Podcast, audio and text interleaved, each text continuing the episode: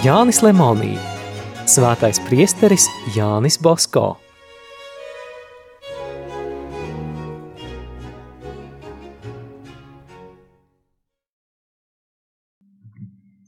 Otrās daļas ceturtā nodaļa. Otrā svētdienas oratorija un pirmā patversme. Tie oratorijas apmeklētāji, kas pirms tam bija nevisai priekšzīmīgi dzīvojuši, iepazinušies ar priesteri Bosko un dažus mēnešus klausījušies viņa lekcijas, nopietni apņēmās laboties un gribēja mācīties savu dzīves iztiku pelnīt ar darbu. Bet tam bija nepieciešama apmācība.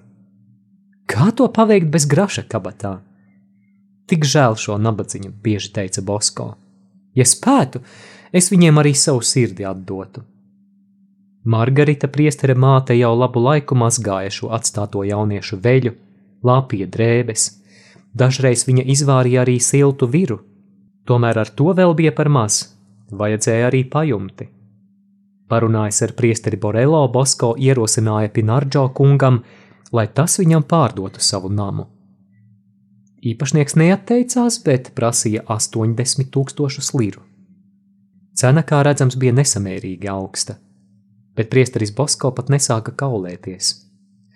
Kaut arī namu viņš neieguva, tomēr gatavojās celt patversmi. Reiz tirgū ieraudzījis lētus salmus, viņš nopirka visu vezumu un izklāja dārzā. Kādā 1847. gada aprīļa vakarā priesteris Bosko atgriezās mājās jau pavēlu. Viņš bija apmeklējis slimnieku nonācis Dora Grasa, tagad Garibaldija ielā, tajā vietā, kur tā krustojas ar Korso Valdoko, viņš satika kādus 20 jauniešus. Ieraudzījuši priesteri, viņi to uzrunāja un lika izmaksāt pintu, apmēram 2 litri Piemontes izloksnē. Jānis Basko nenobijās. Jautri pasmējies, priesteris visus aicināja iet uz netālo Albergo delle Alpi viesnīcu. Viņš pats visiem ielēja no vienas, pēc tam no otras pudeles. Kad puiši bija lāsīti iedzēruši, tie bija jau runājami. Priesteris Bosko viņus piespieda apsolīties vairs nelamāties un aicināja nākošajā svētdienā ierasties oratorijā. Tad viņš lūdza, lai tie nekavējoties iet uz mājām. Nevienam no šiem zēniem nebija māju, Nakti tie pavadīja te pie viena, te pie cita važoņa kopā ar zirgiem vai kopīgās naktsmītnēs, kur par nakti bija jāmaksā 20 centi. Reti, kad tos pieņēma kāds līdzjūtīgs cilvēks. To dzirdot, Jāni Bosko pārņēma šausmas. Viņa sirds raudāja, jo juta, ka šīs naktsmītnes ir īsti netiklības perēkļi. Apvaldījis asaras, viņš tajā pašā vakarā puišus aizveda uz oratoriju – Brīdi ar tiem parunājis, viņš visus ieveda dārzā, kopā ar viņiem noskaitīja tēvs mūsu nesi sveicināta, katram iedeva palagu un siltu segu, palūdza, lai mierīgi guļ, novēlēja labu nakti un uzkāpa savā istabā. Priesteris domāja, ka Valdoko patvērsme jau nodibināta. Nelaimīgie jaunieši. Viņi pārāk dziļi bija briduši izvērtības dubļos un dārgo dieva dāvanu nenovērtēja. Rīta blāzmai austot Bosko nonāca palūkoties, vai viņa patversmes jaunieši vēl guļ. Viņš klausījās, bet neko nedzirdēja. Soli tālāk pagājis, viņš redzēja, ka neviena nav. Ne tikai puišu nebija, bet arī palagi bija paņemti līdzi. Zagļi bija visu savākuši un pazuduši, varbūt jau pusnaktī. Tomēr drīz pienāca dieva noteiktā patversmes dibināšanas stunda – bija tumšs apmācies maija vakars. Kad bija jau pavisam satumsis, sāka līņāt. Margaritai gatavojot trūcīgās vakariņas, kāds pieklauvēja pie durvīm. Laipnā sieviete ātri steidzās durvis atvērt. Ienāca kāds 15 gadus vecs zēns, noplīsis un samircis kā pelēns. Raudādams viņš lūdza gabaliņu maizes un naktsmājas. Margarita viņu apsēdināja pie uguns, izžāvēja viņa drēbes un iedeva siltas vakariņas. Bosko pajautāja, kā viņu sauc, no kurienes viņš atnācis un kāpēc raud. Zēns bija bārenis, kas no Valencijas nesen ieradies Turīnā meklēt darbu. Viņam nebija ne naudas, ne paziņu. Viņš neprata nekādu amatu, Margaritai bija jāraud. Arī priesteris tikko noturējās neraudājis. Kaut kur vajadzēja zēnu apguldīt, bet nebija gultas. Bosko gudroja, ko darīt. Tad visi trīs izgāja pagalmā, atnesa dažus ķieģeļus, no tiem izveidoja piecus stabiņus, uz kuriem uzlika dēļus, uz dēļiem priestera matraci, uzklāja tīrus palagus un virsū tīru siltu segu. Tā bija pirmā salīdzjāņu patversmes guļamistaba. Saklājusi zēnam guļas vietu, Margarita pasacīja bārenim dažus vārdus par darba nepieciešamību, par ticības skaistumu. Toreiz viņai pat prātā neienāca, ka viņa tajā vakarā iesāka priestere Bosko patversmē un visās citās salīdzjāņu patversmēs īpatno un derīgo ierašu. Vakaros pēc lūkšanas audzēkņiem pasakīt īsu, jauku uzrunu. Vēlāk zēnu apguldot, Margarita skubināja viņu noskaitīt tēvs mūsu, bet nabadzīgs pat šo lūkšanu neprata. Nākamajā dienā priesteris Bosko atrada zēnam darbu. Visu vasaru zēns pilsētā strādāja, bet oratorijā atgriezās paēst un pārgulēt. Ziemā darbiem beidzoties, viņš atgriezās mājās. Vairāk par viņu nekādu ziņu nav. Neilgi pēc tam tika pieņemts vēl kāds 13 gadus vecs bārenītis. Viņš nāca no turīgas un labas ģimenes bet bija kļuvis bārenis, un nu viņam vairs nekā nebija. Priesteris Bosko atrada zēnam darba vietu kādā lielā tirgotavā. Tur viņš īsā laikā kļuva bagāts un atgriezās savā agrākajā dzīves vietā. Kļuvis bagāts, viņš nekad neaizmirsa savu labdari, no kura bija saņēmis palīdzību, zināšanas un audzināšanu. Vēlāk tika pieņemti vēl daži bāreņi, bet tajā gadā vietas bija tikai septiņiem – Šie zēni neuzvedās tā kā pirmie, kurus Bosko atveda savās mājās. Ar savu rīcību tie priecēja Jāņa Bosko sirdi, un tas mudināja viņu izvērst šo žēlsirdīgo un svētīgo darbu.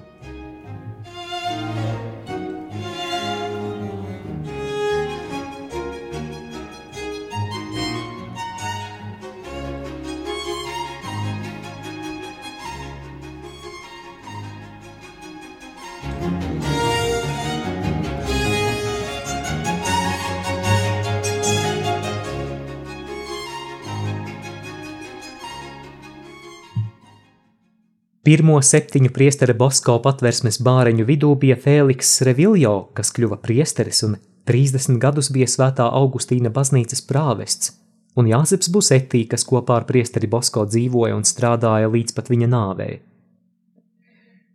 Kādu dienu Margarita redzēdama dēlu atvedam vēl kādu bāreni, to sabāra. Redzu, ka tu katru dienu pārved pa kādam zēnam. Nu redzēsim, kuru tos liksi un kur pats paliksi. Kāda vietiņa Kotoleņo slimnīcā man būs vienmēr, bet, ja mana patvērsme ir dieva darbs, tad nav jāuztraucas. Margarita apklusa. Viņa vienmēr pievienojās dēla vārdiem, jo redzēja, ka dievs tiešām brīnišķīgi viņam palīdzējis. Apgādājamajiem netrūka nekā. No rīta agri piecēlušies, viņi piedalījās priestera Bosko celebrētajā svētajā misē, noskaitīja rožu kroni un rīta lūkšanas, un pēc svētās mises gāja uz darbu. Pusdienās tie atkal atgriezās oratorijā. Vīru bieži vien izdalīja pats priesteris Bosko. Pēc vakariņām katrs vēl dabūja pa 20 centiem brokastīm. Jānis Bosko tā darīja līdz 1852. gadam. Kad priesteris Bosko mums dalīja šos vara naudas gabalus, par ko pirkt brokastis, raksta priesteris Reviljo, Viņa acīs mirdzēja tāda sirsnīga pateicība, un viņa lūpas tik jauki smaidīja, ka man vēl šodien, pēc 50 gadiem, šo ainu atceroties, ap sirdi kļūst silti. Sniegtams bērniem naudu viņš bieži mēdza sacīt: Dievs to dot man, bet es jums. Jānis Basko ēda to pašu, ko viņa bāreņi. Draugi priesteri atbraukuši viņu apciemot, nevarēja šo ēdienu izturēt. Taisnība. Priestrim Bosko māte pasniedz arī cepumu, ko viņa izgatavoja divas reizes nedēļā - pirmdienās un ceturtdienās. No visa stāstītā var domāt, ka tas bija kaut kas līdzīgs tortei. Margaritai mājās bija tikai sažuvusi maize. Šo maizi sadrupinājusi, viņa to uzbēra uz pannas, pielika drusku tauku un radās tas, ko priesteris Bosko sauca par torti. To ēda trīs dienas pusdienās un vakariņās, augstu un sildītu. Vasarā šī torte bieži saziedēja. Tad Bosko sacīja, ka viņš iedomājas, ka māte to cepusi ar taukiem un garšīgi grauza. Ceturtdienā māte izcepa citu, bet tikai ar eļļu, divām gavēņa dienām.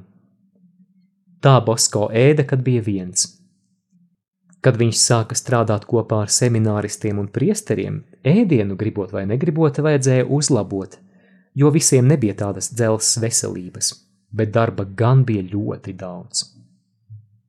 Nebija kas pieskatītu zēnus. Māte jau tā tikko spēja pagatavot ēdienu un sakārtot māju. Pašam Jānim Basko bija jālāpa zēnu drēbes, bet dažreiz viņš arī izvārīja ēdienu. Māreņi stāstīja, ka redzēt Bosko gatavojumu ēdienu bija īpaši pievilcīgi. Ēdiens tajās reizēs šķitis vēl garšīgāks. Lūk, viņiem sacīja Bosko viru liedams. Ēd būs garšīga, jo es to lārīju. Nedari kaunu virējam, viņš sacīja citam, izēt kaut pāri šķīvju. Gribētos pielikt arī kādu ribiņu, ja būtu, bet pagaidi. Tiklīdz redzēsim kādu noklīdušu vērsi, dosim ar cirvi papīri un tad gan dzīvosim.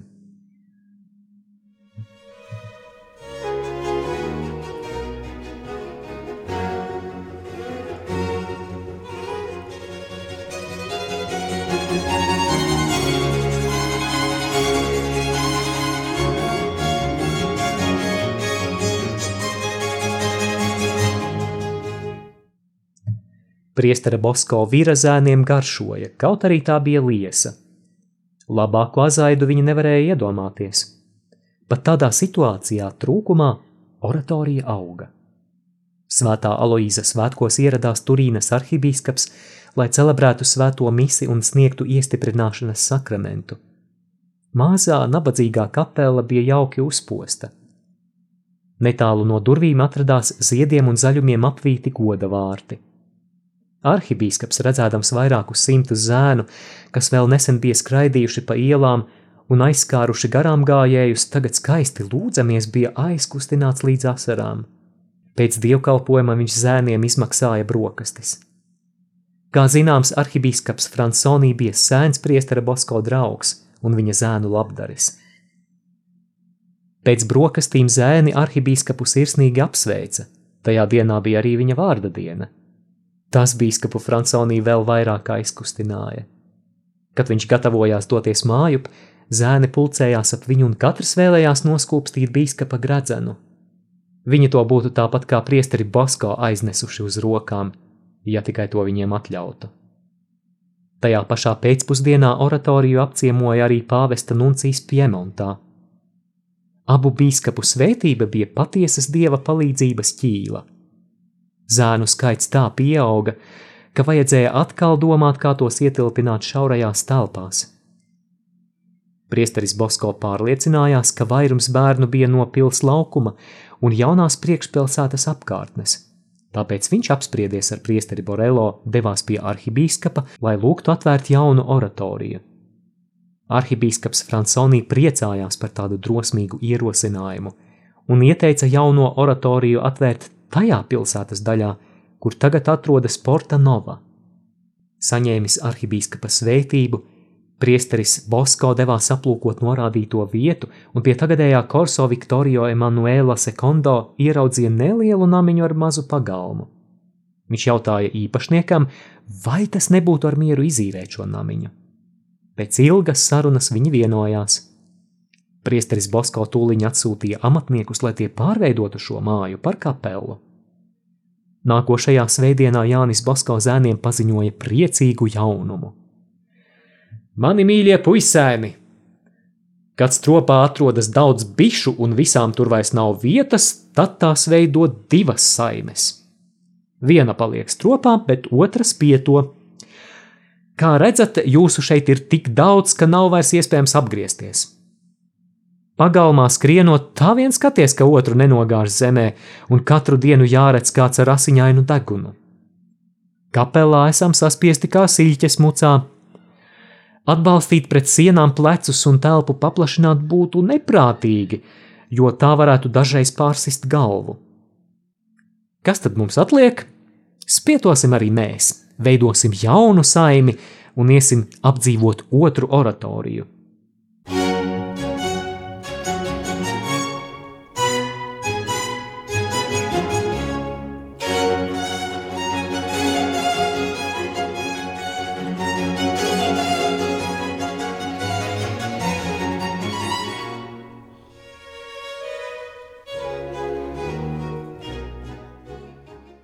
Nodibinājis otru oratoriju, Bosko devās uz Lanco vadīt garīgos vingrinājumus. Tur viņam radās doma iepazīties ar slaveno filozofu priesteri Rosmīnī un viņa dibināto kristīgās mīlestības kongregāciju – Instituto della Carita. Ar šo nodomu viņš no Lanco brauca tieši uz stresu, kur dzīvoja priesteris Rosmīnī. Ceļojums ilga desmit dienas. Dzelzceļa Piemontā toreiz vēl nebija – Bija jābrauc ar zirgiem lielos pajūgos, ko itāļi sauca par diližansiem. Tā braukdams un atpūsdamies Bosko neaizmirsa, ka ir priesteris. Itālijas važoņi tajos laikos bija pazīstami ar savu lādēšanos. Priesteris Bosko tīšām iekārtojās līdzās važonim, lai braucot varētu viņu pierunāt nelamāties un nenievāt dievu. Kad diližants pieturēja, lai pārmainītu zirgus, Jānim Bosko daudzreiz bija jāpieņem šī važoņa, bet dažreiz arī citu viņa amatbrāļu grēksūdze.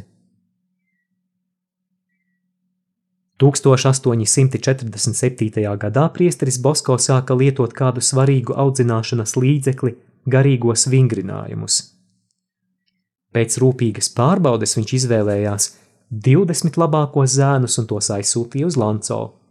Mācības tiem sacīja labs, izglītots priesteris doktors Alberts, bijušais karaļa pils kapelāns, tajā laikā Lanco draudzes prāvests. Vēlāk redzēsim, cik šie garīgie vingrinājumi bija auglīgi. 1847. gada beigās tika svinīgi atklāta jaunā oratorija. Par tās aizbildni Bosko izvēlējās svēto Aloīzu, kuru godināja arī Turīnas arhibīskaps. Par oratorijas vadītāju kļuva priesteris Karpāno. Priesteris Borelo iesvētīja jauno kapelu. Jau no paša tās dzimšanas brīža jaunajai oratorijai bija dažādi sarežģījumi un vajāšanas. Tomēr zēnu netrūka arī tajā. Varētu likties priesterim Bosko šajā laikā vajadzēja būt līksmam, jo viņa darbs kļuva plaši pazīstams un dzina dziļas saknes tomēr viņa prieku apēnoja netīrā un viltus pilnā cīņa pret pāvestu Piju devīto. Visā Turīnā, pat visnomaļākajās vietās bija dzirdami saucieni: Lai dzīvo Pīs devītais! Arhibīskaps Fransonijs saprata, ka dažādas protestantu sektas duļķo ūdeni, lai pēc tam varētu sekmīgāk pievilināt cilvēkus. Priesteris Basko pievienojās arhibīskapa spriedumam, un kur vien devās, nesauca kopā ar pūli, lai dzīvo pīs devītais, bet lai dzīvo pāvests! Lūk, protestanti gribēja katoļu vidū iznīcināt uzticību pāvestam kā tādam, radīt iespaidu, ka labāka pāvesta par piju devīto vairs nevar būt. Ja tāds nodoms izdotos, tad, protams, katoļi nākošo pāvestu sagaidītu salti un nelabvēlīgi. Tam būtu ārkārtīgas sekas – bet priesteris Bosko uztvēra protestantu slepeno nodomu.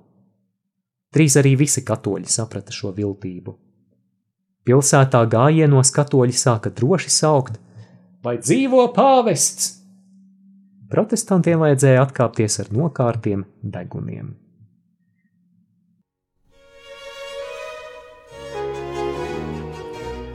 Izskanēja lasījums no Jāņa Lemonija grāmatas Svētais priesteris Jānis Bosko.